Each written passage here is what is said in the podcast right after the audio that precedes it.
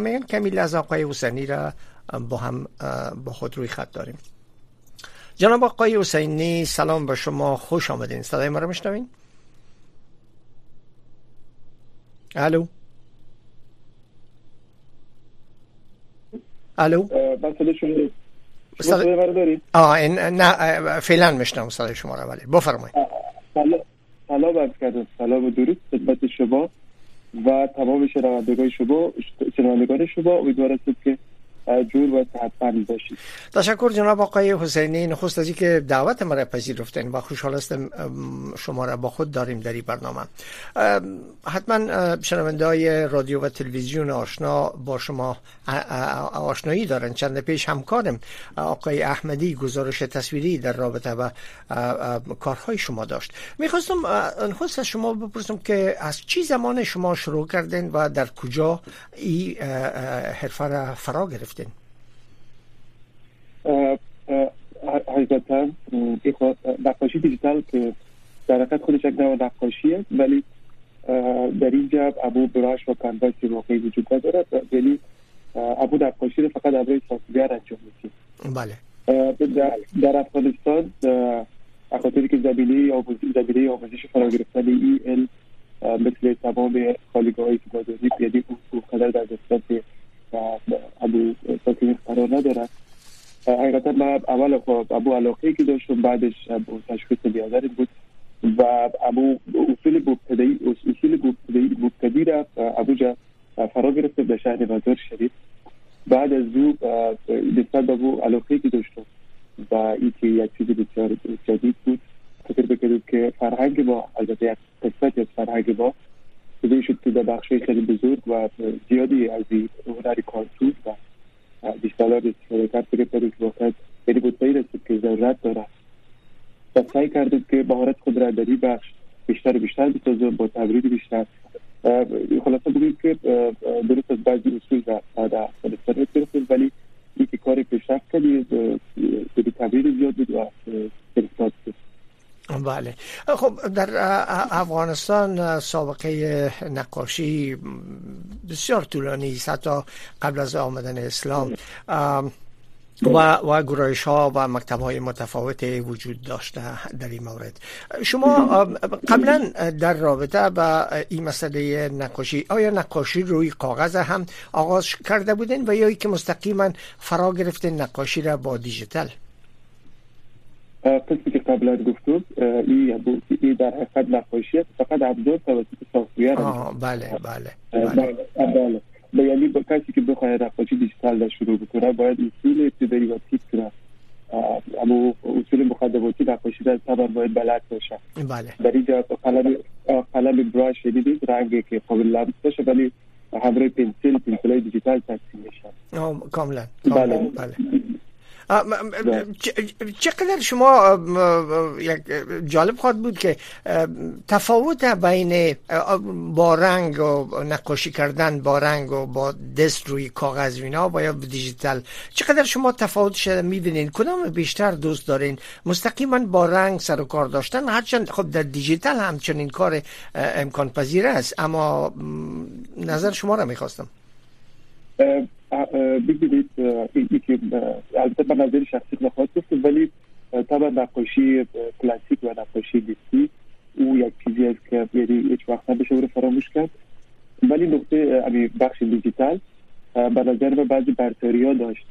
یکی که خودش صاف بود و راحت می‌شد که او را هر جای استفاده کرد در بخش مختلف. بله. و بخش دومی که چون امروز سافیار انجام می‌شد و امو بعضی چی بگم می‌شد که امو بعضی مشکلات که یا میستیکایی که در جریان کارش بیامد می‌شد تو رو اندو بکنه. و دست بیشتر باز دست باز بیشتری داشت. یعنی بتونید که ریسکای خلاقانه بکنه خاطری که او فرصت اشتباه کردن نداشت ببینی که به تاثیر نتیجه نهایی تاثیر داره طبعا به نظر من بعضی برتری ها داره. در اونجا آرتیست دست باز داره می‌تونه خصوصی گفت ریسکای خلاقانه بکنه و تحریک به دست بیاره یه تری که تفکیک بکنه یک جالب تری باشه. بله کاملا. شما وقتی گفتین در مزار شریف فرا گرفتین محمدین در کابل تقاضای کار چقدر بود؟ شما در چی زمین های بیشتر؟ آیا با تلویزیون ها با مصورسازی کتاب ها شروع کردین؟ با کار در چی زمین های عرصه کاری شما چگونه بود؟ حقیقتا خاطری که یک چیز نسبتا جدید بله. کاملا. درست. سوال ما روی می مسئله بود. بدون تا تصویر داشتم که دلیل نمیشه که به کار اول و کار یعنی full time به این هنر و نقاشی چی؟ یعنی بسیار مشکل است خاطری که قدر بازار نیست یعنی درآمد زیادی نمی‌تونید از این کسب کنید ولی بعد یعنی در کنار کاری که داشتم چون بعد به بخش گرافیک بله. یعنی باید بلد باشه بلدیت و مقصد داشته باشه. در کنار او با خیلی کارهای دیگه هم بکردیم ولی مثلا وقتی ما در افغانستان بودیم من سعی من سعی می‌کردیم که از مسائل سیاسی دور باشم. بله. متاسفانه در در این اواخر تنها استفاده که به صورت عموم از نقاشی دیجیتال و کارتون می‌شد او نقاشی سیاسی بود. مردم فکر می‌کردن که فقط کارتون مردم افغانستان کارتون فقط که یک شخص را یا ابو نقد بکنن. یا ابو دید سیاسی داشتن. ولی ما خیلی تای کرده که دید و یعنی مبارزه کرده با ابو عدالت توان خودی برای فرض مثال با کتاب های کودک سعی کرده که در ساخت ترتیب کتاب های کودک همکاری بکنیم اصلا به معمول پولش مهم نبود. فقط بله. درست سوال بعدی من این مسئله بود. من در گزارش که همکارم تهیه کرده بودن برای تلویزیون رادیو آشنا صدای امریکا من تصویرهایی داشتم از اینا. آیا ای را با وزارت معارف تماس می‌گرفتین و یا که کار به شما سفارش کرده بودن و یا که خود شما آزادانه کار می‌کردین با کتاب های داستانی کودکان و غیره؟ در خیلی که مستقیم پیشنهاد مثلا از طرف دولت یا وزارت معارف گرچه من خیلی تلاش کردم که بتونم یک ارتباطی برقرار بکنم با بخش ترتیب و دیزاین کتاب های معارف. بله. خیلی جستجو ولی متاسفانه نتونستی که یک لینک و یک شخصی که مستقیما دخیل باشه در بخش پیدا بکنه. ولی کتابایی که زیاد بعضیش از طرف یعنی فنش از طرف دفتر خارجی بود. و اونجا یعنی یک خوشی که با بود که یعنی ما یک کتابی داشتیم که کاملا برای اطفال و کودکان افغانستان ترتیب شد. که صد کتاب داخل افغانستان تهیه شده بود. مثلا منظور که داستانش داخل افغانستان ترتیب می‌شد تصویر سازی شما خودی با کردیم و دیزاینش هم دیگه بخشا یک کتاب ما داشتیم که کاملا با داستانش مطابق با فرهنگ افغانی کاریکترهایی که تنظیم می‌شد کاریکترهای افغانی. و با حقیقتا یعنی لذت برده و دوست شما اصلا در من آیدی که بیامد مهم نبود. چرا؟ فکر بکنیم که باید ما داشته باشیم. مثل گرچه که آلی می‌بینم تحقیق بکنم هنرمندهای زیادی. کار می‌کنم کم و بیش و یعنی این آدم بطن ما حضرتن در کنار تمام خالیگاه ها و کمبوچی که داره به همیشه تشویق کرده و خود سعی کرده که حتی در بخش کارتون شاید یک بخش کوچکی از خالیگاه های فرهنگی باشه ولی سعی کرده که در همین بخش یک کاری داشته باشین بله. جناب آقای حسینی گپ شما را قطع کردم مذرت می‌خوایم. می‌خواستم بپرسم که در یک بخش دیگه از کارهای شما شاید احتوا بکنه تبلیغات و اشتهارات است برای مؤسسه های یا های متفاوت. در این زمینه هم شما کار کرده؟ با در کنار ما حقیقتا قبل از اینکه این قبل از این که دولت جدید جا طالبا رژیم طالبا بیاد. ایدا ما اصلا گفتم که سعی می‌کردیم که از مسائل سیاسی دور باشه. ما تر سر مسائل فرهنگی کار می‌کردیم. بله. بخش کتاب سازی بود بخش آگاهی دیابه بود. بخش و یک چیزی که بسیار ما با افتخار است. ما در کمپین آگاهی کرونا بودیم. در اونجا پسترهایی که از طرف وزارت صحت می آمد یک کمپین کاملا یعنی کاملا یعنی ماشی در نظر نگرفته بودن فقط با, با وجودی که در اون روزها قرنطینه بسیار سخت بود. بله. کسی که بیرون در آمدن نمی‌دادن ولی ما یک تیم از بچه ها بودیم تصویر سازی شما می‌کردم و بسیار خوش بودم و خوشم هستیم که ما دانستیم که بسیار خوب آیا نقاشی با به شکلی که شما از او نام بردین و تعریف کردین در دانشگاه افغانستان هم آستا را پیدا کرده بود یا هنوز زود بود؟ حقیقتا در مکاتب در مکاتب سطح کابل بود بود به خاطر که ما چندین پروگرام کمپاین فرهنگ شهرنشینی داشتیم. بله. اونجا تصویر سازی شد. در تمام مکاتب کابل پخش شد و از طرف شارولی کابل هم همون جریان پخش و آموزش نشر می شد ولی از طرف و از طرف سوشیال میدیا و بخش های میدیای دولتی خیلی از ها نشر می شد عموما در بخش های فرنگسازی بود. یعنی صورت مثلا روز زن اگر بیپوست یا همین مسائل عموما مسائل فرهنگی. حقیقتا ما وقتی که یعنی بسیار به تلاش کردم که بتونیم که اولین پستری که توسط کارتون باشه عصبی ارگ نشود در اون جواب مسئولینی که بودن به دور از مسائل سیاسی بخاطر که مثلا گفتم با ما نبخیرید یعنی مسائل سیاسی بسیار دور بگیرفتیم فقط آقای حسینی اگر موقعیت خود کمک تغییر بدین یک ذره یک صدای شما شکسته به گوش شما می‌رسه بله؟ بله بیترس بله. بفرمایید. ادامه بدین خواهش می‌کنم. یعنی ابو مسئولین که ابوجا بودن حتی بگفتن که لی ایجا سفر نباید پستر نشر شود که اون او کارتون است ایجا سفر است. ولی با حمایت بعضی از دوستا و با ابو یعنی با اونا خیلی تلاش کردیم با اونا بعد رفت با مسئولین یعنی خواستیم که علی حداقل این مفکوره که کارتون فقط برای سیاسی فقط برای انتقاد و در بخش سیاسیت می‌خواستیم مفکوره از مردم دور بکنیم و این را نشان که از بزرگترین صفحه رسمی حتی دولتی کارتون نشده و او کاملا در بخش فرهنگسازی است و کاملا با فرهنگی رو در بر گرفته. یعنی خواستیم که دامنه دامنه گسترده و بزرگ استفاده از کارتون را و مردم بیشتر نشان بده بله. بله. حتی چون امیر هم که گفتین بسیار بسیار اندک بود. ما فقط چند در روزنامه های وقت داشتیم کارتونیست مثل حجبر شنواری مثل طارق مرزبان که اینا و همچنان در روزنامه ترجمان وقت در دهه 1300 45 تا 50 بودو. بود کارتونیستایی که آیستا آیستا کوش می‌کردن هرچند شاید کارشان در از نگاه تکنیکی بسیار ابتدایی تر بود. اما خب اولین اولین قدمایی بود برای آشنا ساختن مردم با با این مسئله. خب به نظر شما آمدن طالبان ارسر چقدر تنگتر ساخت که شما نتانستین به کارتان ادامه بدین؟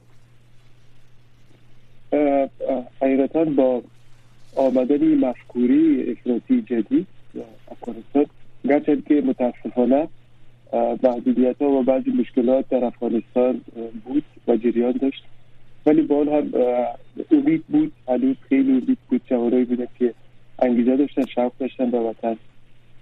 و به دور از مسائل سیاسی به وطن خود دوست داشتن و زندگی بکردن ولی وقتی که این مفکوره جدید آمده طبعا در تمام بخش ها مخصوصا بخش های هنر اصلا تنکر شده اولی و جدی بودی بزرگترین ضربه را وارد تدعی ساحه کاری بسیار کم شده خیلی از پروژه هایی که پروژه پروژه‌ای که در او کارتون کار بود و توسط کارتون بی شد خیلی بهتر بوده پروژه را پیش می‌برن مثلا پروژه آگاهی بود پروژه فرهنگ پروژه فرهنگ فرهنگ شهرنشینی و امثال و حتی در کتابا.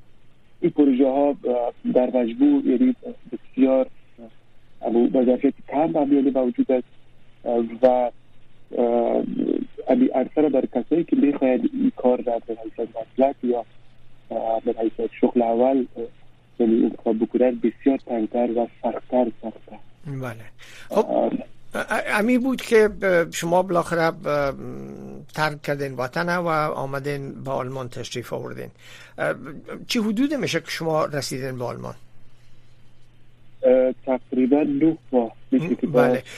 در آمدن با, با آلمان با چی مشکلات؟ مثل هنرمندای زیاده که پس از تسلط طالبان در افغانستان برآمدن اندک نیست در کشورهای مختلف اروپایی و آسیایی رفتن شما با آلمان تشریف آوردین. چی غیر از که کارتان خب زبان کار شما زبان بین المللی است همه همه آشنایی دارن بهش. با ما با چی مشکلات دست و پنجه نرم کردین. و در حال حاضر چی مشکل عمدی فرارایتان است؟ حقیقتا یک آدم یک مدت طولانی در یک جای یعنی یک آدم دادگاه خود ترک بکنه و وطن خود ترک بکنه خودش یک یک یک کار بسیار مشکل است. کاملا. به هر صورت وقتی وقتی که باید آمدید مهمترین گردی که آدم چه در چه طرف میشه که با این جامعه عادت بکنه. زبانش یاد بگیره فرهنگی داره و شما مطمئن بشونید که برای که آدم یعنی یک کاری که آدم بخواه ما و یا امثال و بخواه که از صفر شروع بکنه برش مشکل تر است بخاطر که اونا یک مدتی را خیلی زحمت کشیدن و تمام ابو اندوختهای خود را رها کردن که تا به محیط عادت بکنی زبان یاد بکنی و یا یک شناختی پیدا بکنی ای که آیا بتانی علی مسلک خود را یا علی رشته که دوست داری علاقه داری آیا بتانی که این ادامه بدی و اینجا نستی نسبت مشکلات جدیدی که تو اینجا همراهش بچار بشید اینا می چالش که زیاد در بریش فکر بکنید بله بدون شک. خب امی امی آمدن در یک محیط دیگه محیط بگانه که مسئله مشکل زبانی هم هست و دوباره آغاز کردن هم همت می‌خواه و هم مشکل است. خب آیا بعد از یک مدت شما تانستین آیسته آیسته برای خود جای باز کنین؟ نه تنها با محیط آلمان در جایی که زندگی می‌کنین بلکه با جمعیت های افغان و ایرانی و تاجیکی که فارسی زبان هستند و شاید بتانن شما را کمک بکنن یا شما هم بتانین اونا را با حرفی که دارین نیازهایشان برآورده بکنین تماس گرفتین؟ در چی حال است فعلا؟ بله خود در خانه اول بعد از روز حال تماس بخورم. بعد از او بعد از هایی که زندگی می‌کنه فعلا با هایی در کدام شهر زندگی می‌کنه شما؟ در ما فعلا در شهر پوتسدام در برلین سی. بله. موقع داره. بسیار حقیقتا چون که بسیار یعنی بخواستم که علی هنر به جایدوا پیدا بکنه اما رسمای خود را چاپ کرده بودیم و به رئیس های توفه داده بودیم رسمای بعد میشه که دیجه شما چی کنید؟ این از شناخت هنری که از ما داشتن من را به یک قسمتی از شارگولی همون شهر و شارگولی پوتستان معرفی کردن.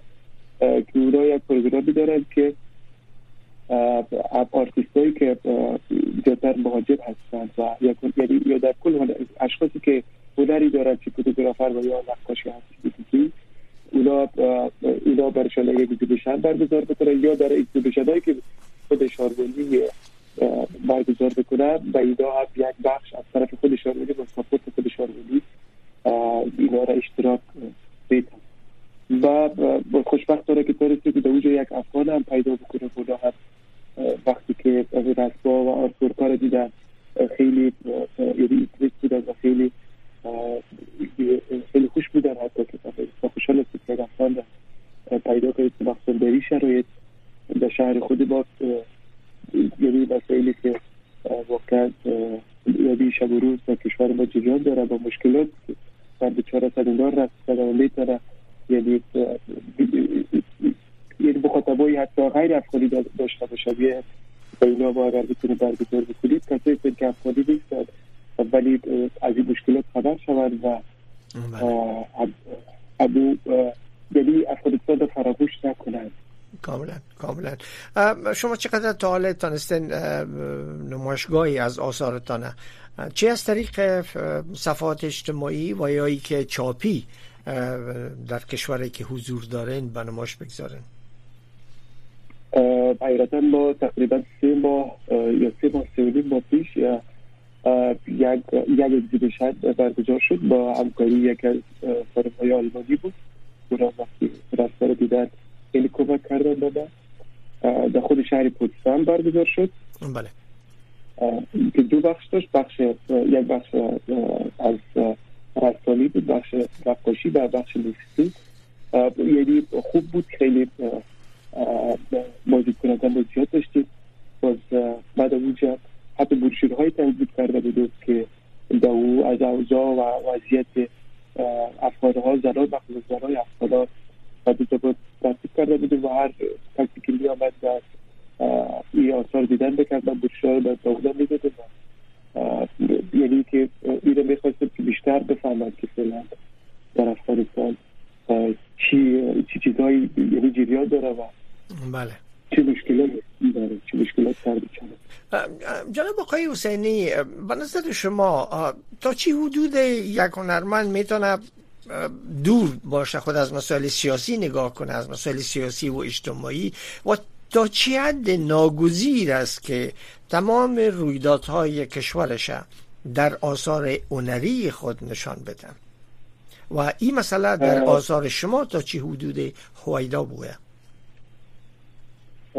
قصه که به شما گفتم ما وقتی که در افغانستان بودیم اصلا یعنی هیچ بخش کارتون کارتونی که در بخش سیاسی باشه اصلا کار نمی‌کرده و به نظر مخالفی تجزیه بوده ولی خاطری که با زیادتر در افغانستان وقتی بودیم خیلی کارهای رسانه‌ای هم داشتیم. و خیلی اینا با ضد جنایتی بود که طالبان همه رو انجام می‌دادن قبیل ویدیو و حتی با هر موادی که قابل نشر بود.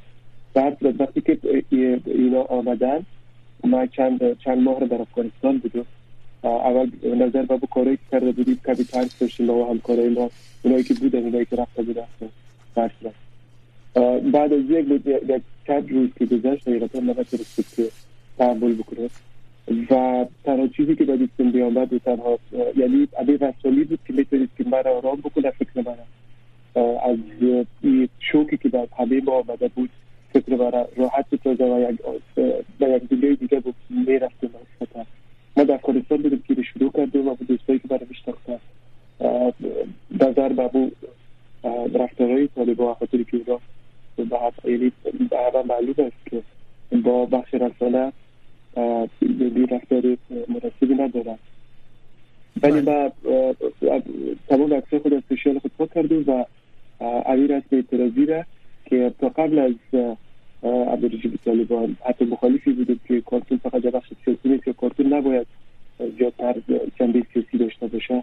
ولی ناخداگاه به خاطر که بود چیزایی که من می‌دیدم و نمی‌تونستیم که آرام باشم و فکر که سالهای و به قلم و اگر حتی یک فیصدی بسیار ناچیز آمده باشه و باید این وظیفه است که به درداری داشت این تایید است که طرف وطن به درداری ما هست و شروع کردیم به نقاشی کردن. بله. ولی باز سعی کردیم که در کناری که یعنی یک collection یا بخشی از رسم سیاسی باشه سعی کرده بود که ظرفیت هنری و دیگه بخش ها هم بالا او برم بخش character design. بخش وقتی که باید اینجا آمدیم با آمدن به اینجا محیط بوده و مخصوصا خانمایی داره اینجا را که وقتی من می‌دیده زیادتر ابو ابو احساس و ابو آبیره تر که دل زیادتر بیسوخت و بیسته که یعنی اینا عبیادی دادی شاوروی خانم و دخترهای وطن و بچی مشکلات که حتی در اینجا حقوق اولی زندگی چه نزدی با اونا آرزو هست و توقعی مردم بندگی پایان آوردن که اونا تنها آرزوشان رفتن به مکتب و فهمتون بله. واقعا در داور کاملا جناب آقای حسینی عزیز آیستا هستم می‌رسیم به ختم برنامه. من می‌خواستم شما در آغاز فرمودن که شماری از جوانایی که مستعد هستن و علاقمند هستن بعضی برآمدن. خب شمار زیادی هم نتانستن نظر به مشکلات که افغانستان وطن خود ترک بکنن و هنوز هستن شما با این کارهایتان چی پیام به جوانان دارین و چی می‌خواین که اونا چگونه این هنر خود به پیش ببرن.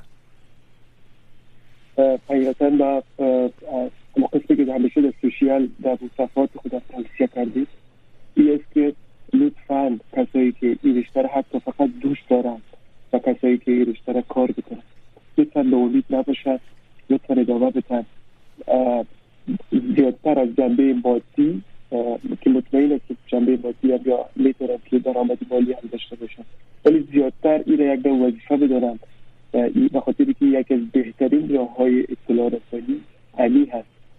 نه تنها در داخل افغانستان خارج از افغانستان یعنی تنها راه یک از بهترین راه های اطلاع رسانی علی بخش هست. از تقاضا داره خواهش داره که نشن تلاش بکنن و کارهای خود ادامه بدن بله. و شما چقدر امیدوار هستین که ایو کارهای شما بالاخره ادامه بتین و بالاخره یک روز هم بتانین دوباره در وطن برین و کارهای خود ادامه بتین با, ما خیلی دوستا بسیج بکنن و سعی می‌کنم که اول تجربه خود شریک بکنم همیشه. حتی سوالایی داره و سوال تحقیقی داره جواب بتون ولی چیزی که همیشه بعد هر یاد کردیم و آرزوی بوده و هست یاد که کاش ما بتونیم یک روز به وطن برگرده و بتونه بیره در پانتون کابل تدریس بکنه به خاطر که یک مشکلی بود که گرچه که هستن اساتیدی که بخشای گرافیک را تدریس بکنن ولی اسپیشلی کسی که و نقاشی کلاسیک را. ولی فکر کنم کسی که مستقیما این رشته را تدریس بکنن نیست. و یک از آرزوهای همیشه بوده و هنوز هنوز بیشتر شده که کاش یک روز بتونه به وطن برگرده و بتونه که چنانچه در جایی کم هستین حتما با ابزارهای نوی آشنا شدین با طرق بیشتر و خوبتره. درست است؟ خودش هم کار کردن با این یک, ت... یک عالم تجربه را شما با کارهایتان میاندازین. درست؟ بدون شک اینجا آلمان طبعا اصلا به لحاظ خیلی پیشرفته و ابو فرصت خیلی زیادی هست که با در رشته را بیشتر و بیشتر مسلکی و کاملا اصولی و فرصت هایی که ایجاد از این استفاده بکنه بچنده که بطور بابو ظرفیت خود را بیشتر و بیشتر بالا ببره که بطور که اگر اگر ریاضی ما یعنی روزی اگر بطور پس برگرده به وطن قابل اکادمیک باشن یعنی از تمام بخش ها هم بخش تحقیقی و هم بخش های اکادمیکال یعنی یک مجموعه بله. شما آرزوی موفقیت دارم در حال حاضر روی انجام چی کار هستین؟ حقیقتا چون حبیبی کردن عادت می‌کنه به محیط و بعضی مشکلات از کورس زبان هست و کاغذ های آلمان. ولی در کنارش و سعی بکنید که ابو به رسم های خود ادامه بکنید و به اون سرعتی که قبلا اینجا قبلا داشتم به اون سرعت نیست یعنی با وقتی بیشتر. و رسمی بکنه به خاطر وقت متاسفانه کم داره کمتر داره ولی بعد یعنی متوقف نکردیم و رسمایی که عموما ابو مشکلاتی که می‌بینیم با اخبار مثلا زیاد تصیب بکنم سعی بکنم اون مشکلی که در اخبار ببینیم باید آیدی فکر بکنم که بیشتر به شکلی نشان داد. کرد بینایت تشکر جناب آقای سعید محمد حسینی از حضور شما در برنامه. بازی که نظر خود با ما نگان قسمت کردین بر شما آرزوی موفقیت می‌کنم و امیدوار هستم که با آنچه می‌خواهید برسین تشکر از اینکه دعوت مرا پذیرفتین و در برنامه تشریف آوردین. شنوندگان عزیز برنامه روایت امروز در همینجا به پایان رسید. تا لحظات بعد همکاران بانوز با خادم و فوزی ایسان برنامه استاسوغک صدای شما را پیشکش می‌کنند. شما می‌تونید با گرفتن شماره 202 980 68 20 در برنامه تماس بگیرید. با ما باشید.